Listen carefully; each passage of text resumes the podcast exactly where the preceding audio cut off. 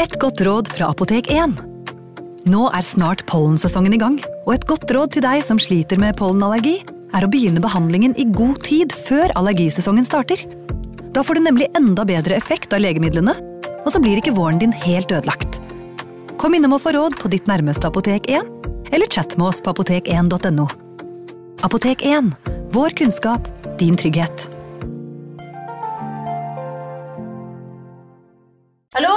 Jeg kommer fra Oslo politikammer. Ine Jansen er purk. Er du purk? The motherfucking bitch. Alt jeg vil, er å finne ut hva som skjedde med mannen min. Jon Carew. Er jeg sikta for noe? Iben Akeli. Det er du. Ole So, Lars Berrum og Big Daddy Karsten. Hvem sin side er du på, egentlig? Anette Hoff, Tone Danielsen, Kommer du fra Afrika? Jørnis Josef, Nesten kløfta. Trond Espen Seim, Det er synd å si det, men det var feil mann som døde. Purk. Premiere tirsdag på TV2 Play.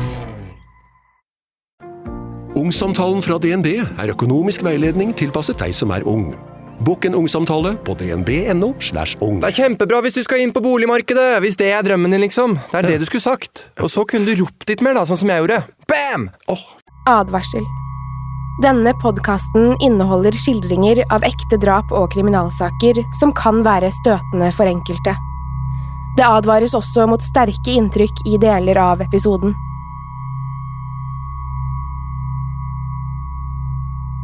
Søndag 10. september 1995, Collegeville, Pennsylvania. Lisa Manderash skulle bare en svipptur innom det lokale kjøpesenteret. Hun hadde med seg datteren Devon og bestemte seg for å sjekke ut den nyåpnede babybutikken. Hun hadde lovet ektemannen Jimmy at hun ikke ville bli sen, men timene gikk uten at noen hørte fra henne. Da det gikk mot kveld, innså Jimmy at noe måtte ha skjedd med henne. Bilen hennes sto fremdeles på parkeringsplassen utenfor kjøpesenteret, men verken Lisa eller Devon var å finne noe sted. Det ble iverksatt omfattende leteaksjoner, og snart ble alles store frykt en realitet. Både Lisa og halvannet år gamle Devon hadde blitt brutalt drept og dumpet i et parkområde. Nyheten sjokkerte hele samfunnet. Det som en gang hadde vært et trygt og fredelig samfunn, ble umiddelbart snudd på hodet.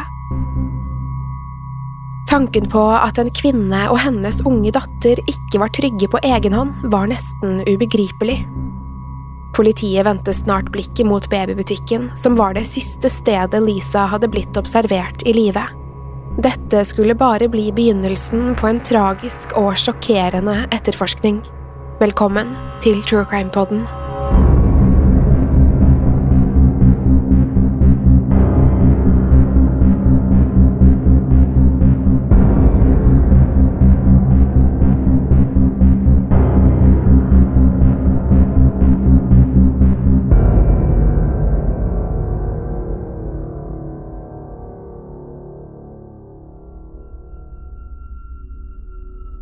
Lisa og Jimmy Mandrish nøt livet i den idylliske forstaden Limerick i Pennsylvania. De hadde vært barndomskjærester, men innså ikke at de var ment for hverandre før i voksen alder. Snart ringte kirkeklokkene, og i 1994 ønsket de datteren Devon velkommen til verden. Limerick ble sett på som et rolig og barnevennlig område, perfekt for en familie i etableringsfasen. Det var et trygt sted der barna kunne løpe fritt uten at foreldrene trengte å bekymre seg. Skolene var gode, og det var mange innbydende friluftsområder. Lisa og Jimmy var overbeviste om at dette var det perfekte stedet for både dem og datteren. Lisa Marie Mandrish ble født den 30. september 1965 i byen Norristown i Pennsylvania. Hun var en sprudlende og utadvendt gledesspreder som det var umulig å mislike. Lisa elsket å tilbringe tid med sin lille datter, som i september 1995 hadde blitt halvannet år. Livet smilte virkelig til den unge familien, som var fullstendig uvitende om at de snart skulle bli rammet av en grusom tragedie.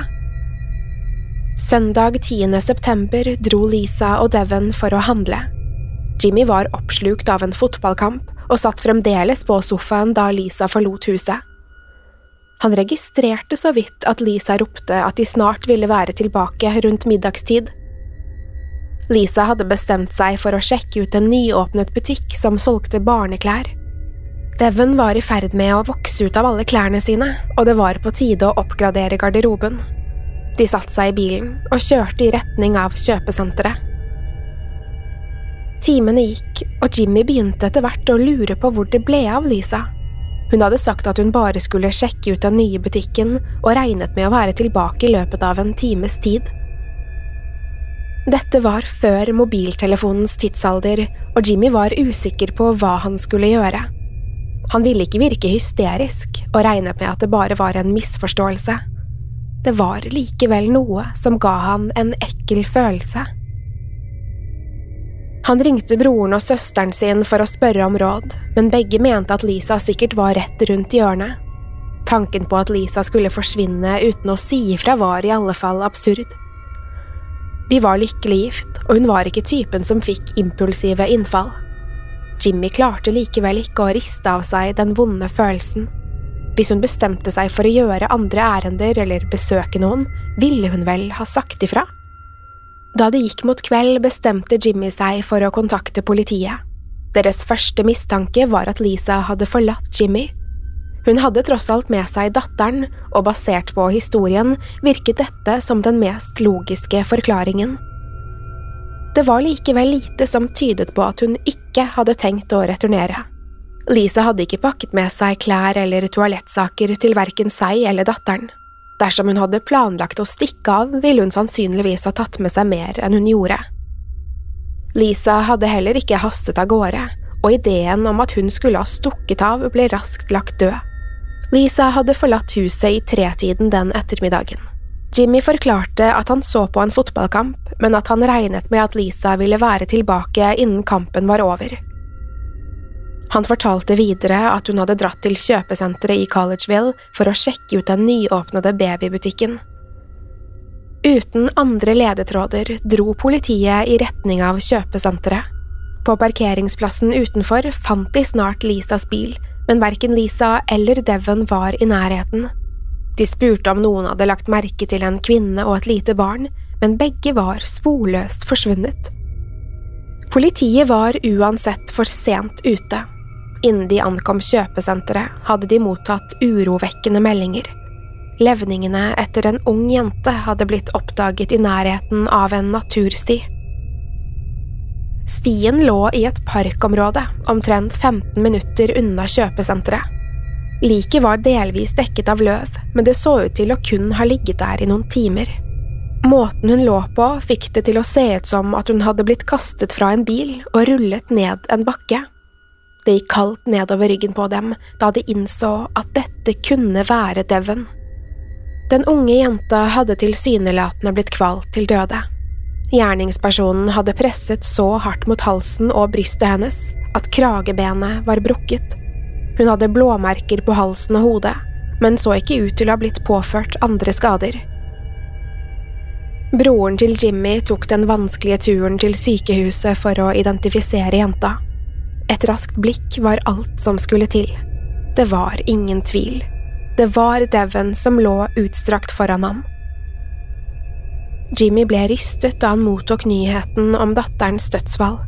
Lisa var fremdeles savnet, men han forsto umiddelbart at også hun var i livsfare. Det var helt utenkelig at hun kunne ha skadet sin egen datter. Funnet av bilen hennes på parkeringsplassen tydet på at hun ikke hadde forlatt kjøpesenteret frivillig. Politiet rettet umiddelbart søkelyset mot Jimmy. Det er i tragisk mange tilfeller ektemannen som står bak når mor og barn forsvinner. Avhøret av Jimmy var derfor en ubehagelig, men naturlig del av etterforskningen. Selv om Jimmy hadde virket bekymret for familien, hadde han nektet å identifisere den unge jenta og sendte i stedet broren. Etterforskerne pekte på dette som uvanlig, og potensielt mistenkelig oppførsel. Jimmy orket riktignok ikke tanken på å se Devons livløse kropp. Da han mottok beskjeden om at det faktisk var henne, ble han fullstendig knust. Det var likevel ingen konkrete bevis som pekte mot Jimmy. Han hadde heller ikke et solid alibi ettersom han hadde vært alene i huset, men naboene kunne fortelle at bilen hans hadde stått parkert i oppkjørselen hele søndagen. For de som kjente Jimmy og Lisa, var det dessuten helt utenkelig at han skulle ønske å skade familien. Lisa hadde fremdeles status som savnet, men både Jimmy og politiet forsto at hun sannsynligvis var skadet. Dersom hun ikke allerede var død, ville de neste timene være kritiske for å finne henne i live. Det ble iverksatt omfattende leteaksjoner som fokuserte på parkområdet der Devon hadde blitt funnet. Til tross for en iherdig innsats gikk timene uten at det ble gjort noen funn. Politiet var likevel ikke helt uten ledetråder. Lisa hadde blitt observert sammen med datteren av andre kunder i babybutikken på kjøpesenteret. En kvinne hadde lagt merke til henne og mente at hun hadde kjøpt noen barneklær før hun forlot butikken. Dette ble begynnelsen på politiets tidslinje, da de med dette kunne stadfeste et klokkeslett for transaksjonen. Dette betød at hun hadde vært på kjøpesenteret, og at de ansatte måtte ha interagert med henne. Kvitteringen bekreftet at Lisa og Devon fremdeles var i live klokken 15.39. Politiet bestemte seg for å avhøre de ansatte, i håp om at de hadde lagt merke til noe utenom det vanlige. Det var en mann ved navn Caleb Fairley som hadde vært på jobb den søndagen, men han nektet for å ha sett Lisa eller Devon i butikken. Han snakket først med politiet over telefonen, men sa seg villig til å fortsette samtalen ansikt til ansikt. Caleb Fairley skulle snart vise seg å bli en sentral skikkelse i saken. Caleb ble født den 21. oktober 1973 i Gulf Mills, Pennsylvania. Han var en dyster og innesluttet gutt som hadde opplevd mye motgang i livet. Da han var 15 år gammel, hadde hans fire år gamle bror skutt seg selv i en tragisk ulykke. Skadene var så omfattende at den lille gutten endte opp med å dø i løpet av kort tid. Hele familien ble lammet av sorgen, men Caleb skal ha blitt spesielt preget av brorens død. Til tross for mye motgang gjorde Caleb det godt på skolen, men han ble alltid sett på som et utskudd. Han ble aldri beskrevet som spesielt intelligent, og skilte seg allerede ut fra de andre barna. De andre elevene mobbet han, og han klarte aldri å etablere seg i sosiale grupper. Han fikk heller ikke mye støtte hjemmefra. Moren hans Ruth hadde lite til overs for sønnen, og var ikke redd for å si hva hun mente. Han ble stadig kalt dum og ubrukelig, som bare forsterket følelsen av utenforskap. Caleb tilbrakte stadig mer tid for seg selv mens han forsøkte å stenge omverdenen ute. Jo eldre han ble, jo tydeligere ble det at han ikke var som de andre ungdommene. Etter hvert var mobbingen den eneste interaksjonen han hadde med jevnaldrende. Det virket som om Caleb hadde innfunnet seg med å være mobbeofferet, og han så aldri noe behov for å ta igjen. Til tross for den sosiale isolasjonen drømte han om å finne seg en kjæreste. Han gikk på noen stevnemøter, men det utviklet seg aldri til noe seriøst. Caleb hadde dårlig selvtillit fra årene med mobbing og var storvokst og overvektig. Han ble raskt avvist av jentene på skolen, og innså etter hvert at ingen ville være sammen med ham. Caleb hadde klart å akseptere mobbingen, men de mange nederlagene var i ferd med å etterlate dype spor. Årene gikk, og forholdet til kvinner ble stadig mer usunt og komplisert.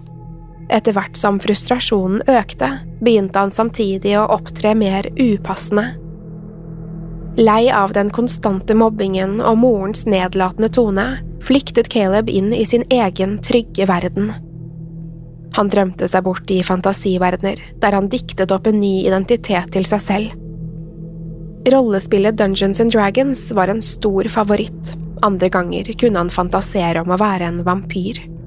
Dette var i utgangspunktet harmløs lek, men Caleb var samtidig i ferd med å utvikle langt mørkere impulser.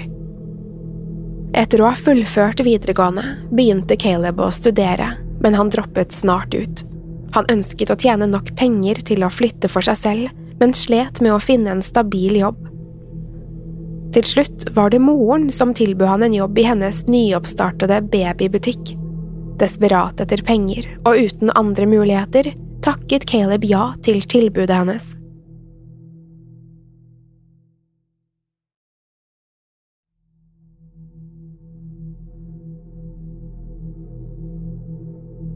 Caleb hadde ikke umiddelbart blitt vurdert som en mistenkt i Lisa og Devons forsvinning, men dette skulle snart endre seg. Da han møtte opp for å snakke med politiet, fikk de umiddelbart grunn til å lure på hva som foregikk. Politiet hadde først og fremst planlagt å vise Caleb et bilde av Lisa, i håp om at dette kunne friske opp hukommelsen hans. Da de snakket på telefonen, hadde han hevdet at han ikke la merke til noen som passet beskrivelsen av Lisa. Caleb hadde riktignok vært den eneste ansatte i butikken, og politiet hadde sikret seg kvitteringen som bekreftet kjøpet. Etterforskerne visste derfor at Caleb måtte ha interagert med Lisa kort tid før hun forsvant. Dette betød at han enten hadde veldig dårlig hukommelse, eller at han løy til politiet. Politimennene la umiddelbart merke til at Caleb hadde på seg et tykt lag med sminke. Sminken var klønete påført og lå som en tykk maske på huden hans. Det var åpenbart at dette ikke var hans vanlige look, og det så umiddelbart ut som han forsøkte å skjule noe. Da politimennene ba han om å fjerne sminken, avslørte dette en rekke ferske kloremerker i ansiktet hans. Caleb mente at skadene var fra en hardrockkonsert der han hadde havnet midt i en klynge med ivrige fans. De hadde alle latt seg rive med, og Caleb hevdet at han endte opp med flere kutt og blåmerker. Caleb ble umiddelbart politiets hovedmistenkte, og de bestemte seg for å ransake både babybutikken og hjemmet hans. Etterforskerne oppdaget snart flere gjenstander som økte mistanken. Blant funnene var en rekke pornoblader med svært forstyrrende innhold. De viste vold og sadistiske handlinger langt utover det man vil finne i vanlig pornografi. Dette ga politiet et inntrykk av at Caleb hadde voldelige, seksuelle fantasier. I tillegg til dette fant de en rekke videokassetter på rommet hans. Videoene viste ulike kvinner som kledde av seg, tilsynelatende uten å vite at de ble filmet. Det skulle snart vise seg at dette var opptak fra ulike prøverom. Caleb hadde selv installert disse kameraene og filmet uvitende kvinner gjennom små kikkhull. Det var åpenbart at Caleb var en forstyrret mann, men politiet måtte fremdeles knytte han til Lisa og Devon. Etterforskerne finkjemmet butikken i håp om at de ville finne ytterligere bevismateriale. Etter grundige undersøkelser ble det funnet både spytt og sædrester på gulvet. Spyttet viste seg å stamme fra Devon, og sædprøven matchet med Caleb. Det var likevel ikke det store gjennombruddet politiet håpet på. De visste allerede at Devon hadde vært i butikken, og det var ingen umiddelbar korrelasjon mellom de ulike kroppsvæskene. Inntil Lisa ble funnet, ville det ikke være mulig å bekrefte at Caleb hadde angrepet dem. Politiet var overbevist om at det var Lisa som hadde klort ham i ansiktet, men denne antagelsen var ikke nok til å arrestere Caleb. Caleb ble igjen kalt inn til avhør, hvor han ble informert om funnene i butikken. Selv om dette ikke var nok til å sikte han, virket det ikke som at Caleb forsto dette. Etter en liten stund fortalte han etterforskerne at han var villig til å fortelle dem hvor Lisa var. Det eneste han ba om i retur, var å ikke bli dømt til døden. Lisa ble funnet i det samme parkområdet som Devon, omtrent åtte kilometer unna. Hun var avkledd og ble funnet på ryggen med bena spredt fra hverandre. Posituren gjorde at etterforskerne umiddelbart mistenkte at hun var utsatt for seksuelle overgrep. Kroppen hennes var dekket av sår og blåmerker, og hun hadde flere brukne ribbein. Det ble gjort flere undersøkelser, men det ble ikke funnet kroppsvæske eller åpenbare skader som kunne tyde på vaginal penetrering. Neglene hennes var blodige, og det ble tatt prøver for å se om dette matchet med Calebs DNA. Prøvene ble hastet til en lab, og teknikerne kunne snart bekrefte at blodet stammet fra Caleb. Med dette forsvant all tvil. Det var åpenbart at Caleb hadde kidnappet og drept både Lisa og Devon. Caleb Fairley ble siktet for drapene, men til tross for overveldende bevis mot ham, valgte han å erklære seg ikke skyldig. Drapene fikk stor oppmerksomhet i hele Pennsylvania, og Caleb Fairley ble fremstilt som et monster. Historiene om hans seksuelle preferanser hadde blitt kjent, og han ble beskrevet som en pervers psykopat som hadde blitt fullstendig korrumpert av ekstrempornografi. Han var ute av stand til å kontrollere impulsene sine, og Lisa ble hans tilfeldige offer. Lisa var en svært vakker ung kvinne, og dette var nok til å utløse Calebs seksuelle vrede. Drapene hadde spredt frykt i samfunnet, som enn så lenge hadde blitt oppfattet som fullstendig trygt. Tanken på at en helt vanlig kvinne og hennes unge datter kunne bli overfalt og drept på denne måten, var helt ubegripelig. Caleb representerte en ondskap som de færreste klarte å forestille seg. Etter dette drapet kunne ingen føle seg trygge. Selv et uskyldig besøk på et kjøpesenter kunne ende i tragedie. Caleb og Lisa hadde ingen tidligere relasjon, og Caleb så henne antageligvis for første gang i butikken den 10. september. Så snart han fikk øye på henne, var han fullstendig besatt. Butikken var i ferd med å tømme seg, og snart var Caleb, Lisa og Devon de eneste som befant seg i lokalet. Caleb grep muligheten, snek seg mot inngangen og låste døren uten at Lisa la merke til det. Lisa tittet fremdeles på klærne da hun plutselig ble angrepet av Caleb. Han tvang seg på henne og forsøkte å legge henne på gulvet. Caleb var en stor mann og hadde regnet med å overmanne Lisa uten store vanskeligheter, men Lisa kjempet desperat imot. Hun sparket, slo og klorte opp ansiktet hans, og Caleb ble stadig mer frustrert. Han hadde forsøkt å presse seg på henne, men måtte til slutt gi opp. Han begynte isteden å kvele henne og la de kraftige hendene rundt halsen hennes. Caleb presset så hardt han kunne, og ga seg ikke før Elisa sluttet å kjempe imot. Så snart hun var død, tok han livet av lille Devon på samme måte. Etter at både Lisa og Devon var døde, begynte Caleb å onanere ved Lisas livløse kropp. Dette så ut til å stemme med etterforskernes beskrivelse av åstedet. Det ble funnet spytt og hår fra Devon og Lisa i nærheten av sædflekkene på gulvet. Caleb innrømmet at han ønsket å voldta Lisa, men hevdet at han ikke hadde planlagt å drepe henne. Litt senere fraktet han begge likene til parken, hvor han dumpet dem på ulike steder. Han kastet Devon fra bilen, før han kjørte videre for å kvitte seg med Lisas kropp. Caleb etterlot henne på ryggen, avkledd med bena spredt fra hverandre, noe som ikke var tilfeldig. Han ønsket antageligvis at denne posituren skulle antyde at overfallet hadde skjedd i parken. Dersom Lisa hadde blitt funnet på denne måten, hadde det ikke vært noen umiddelbar kobling mellom henne og Caleb.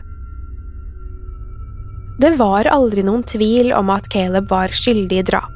Det store spørsmålet var om han hadde planlagt å drepe Lisa og Devon, eller om dette var noe som skjedde i kampens hete. Caleb hadde overfalt Lisa og ønsket å voldta henne, men da dette mislykkes, endte han opp med å drepe begge. Det meste tydet på at overfallet var en spontan handling. Tilfeldighetene ville ha det til at hun vandret inn i babybutikken da han var alene på jobb. Caleb hadde lenge slitt med å kontrollere impulsene sine, men denne dagen gikk han lenger enn noen gang. Han hadde tidligere blitt anklaget for upassende oppførsel, men dette var stort sett begrenset til å beføle rumper og annen seksuell trakassering. Dette kunne være ubehagelig nok for kvinnene som ble utsatt for denne behandlingen, men overfallet av Lisa var tilsynelatende første gang han hadde utøvd vold. Forsvarsadvokatene mente at han hadde blitt rasende da Lisa fortsatte å kjempe imot, og at det var dette raseriet som gjorde ham til en morder. Caleb hadde åpenbart ikke tenkt så nøye gjennom overfallet. Dersom han hadde latt Lisa og Devon gå, ville hun naturligvis anmelde han for overgrepet. Åstedet ville uansett gjøre det enkelt å identifisere han. Han overfalt tross alt Lisa inne i butikken mens den fremdeles var åpen. Som eneste ansatte på jobb var det kun et spørsmål om tid før politiet rettet søkelyset mot ham. Caleb ble fremstilt som en pervers og ustabil person. Kameraene han hadde installert i prøverommene, var med på å underbygge hans avvikende seksuelle preferanser. Selv om dette ikke vitnet om en voldelig side, var det åpenbart at han hadde et usunt forhold til kvinner. Pornografien som hadde blitt funnet på soverommet hans, hintet om voldelige og sadistiske fantasier. Lisa var kanskje et tilfeldig offer, men etterforskerne mente at det kun var et spørsmål om tid før impulsene tok overhånd. Dersom Lisa ikke hadde vært i babybutikken den ettermiddagen, ville han antageligvis snart ha angrepet en annen kvinne. Forsvarsadvokatene argumenterte for at dette kvalifiserte som forsettlig drap, da han ikke gikk inn i situasjonen med en intensjon om å drepe. Dette kunne potensielt lede til en noe mildere straff. Undersøkelsene av Lisa og Devon kontrasterte riktignok med ideen om et kort raserianfall. Skadene på kroppene tydet på at det hadde tatt flere minutter å kvele dem, som ville gitt Caleb mer enn nok tid til å innse hva han var i ferd med å gjøre. Valget om å drepe halvannet år gamle Devon avslører også ondskapen som bodde i Caleb. Devon ble tvunget til å se på mens moren desperat kjempet for livet før hun selv møtte den samme grusomme skjebnen. Caleb ble funnet skyldig i overlagt drap og likskjending, og ble dømt til å sone resten av livet bak lås og slå. Han forsøkte flere ganger å anke dommen, men samtlige forsøk ble raskt avslått. Historien om Caleb Fairley vitner om at ekte monstre kan skjule seg rundt ethvert hjørne. En mor og hennes lille datter ble brutalt overfalt i et tilfeldig og meningsløst angrep som skulle koste dem livet. Caleb Fairley ble sett på som en einstøing, men ingen ante hva slags ondskap som bodde i ham. Tragisk nok skulle skjebnen føre dem på kollisjonskurs. En uskyldig tur til en babybutikk var alt som skulle til. Drapene på Lisa og Devon Mandrish var en grusom påminnelse om hvor skjørt livet kan være.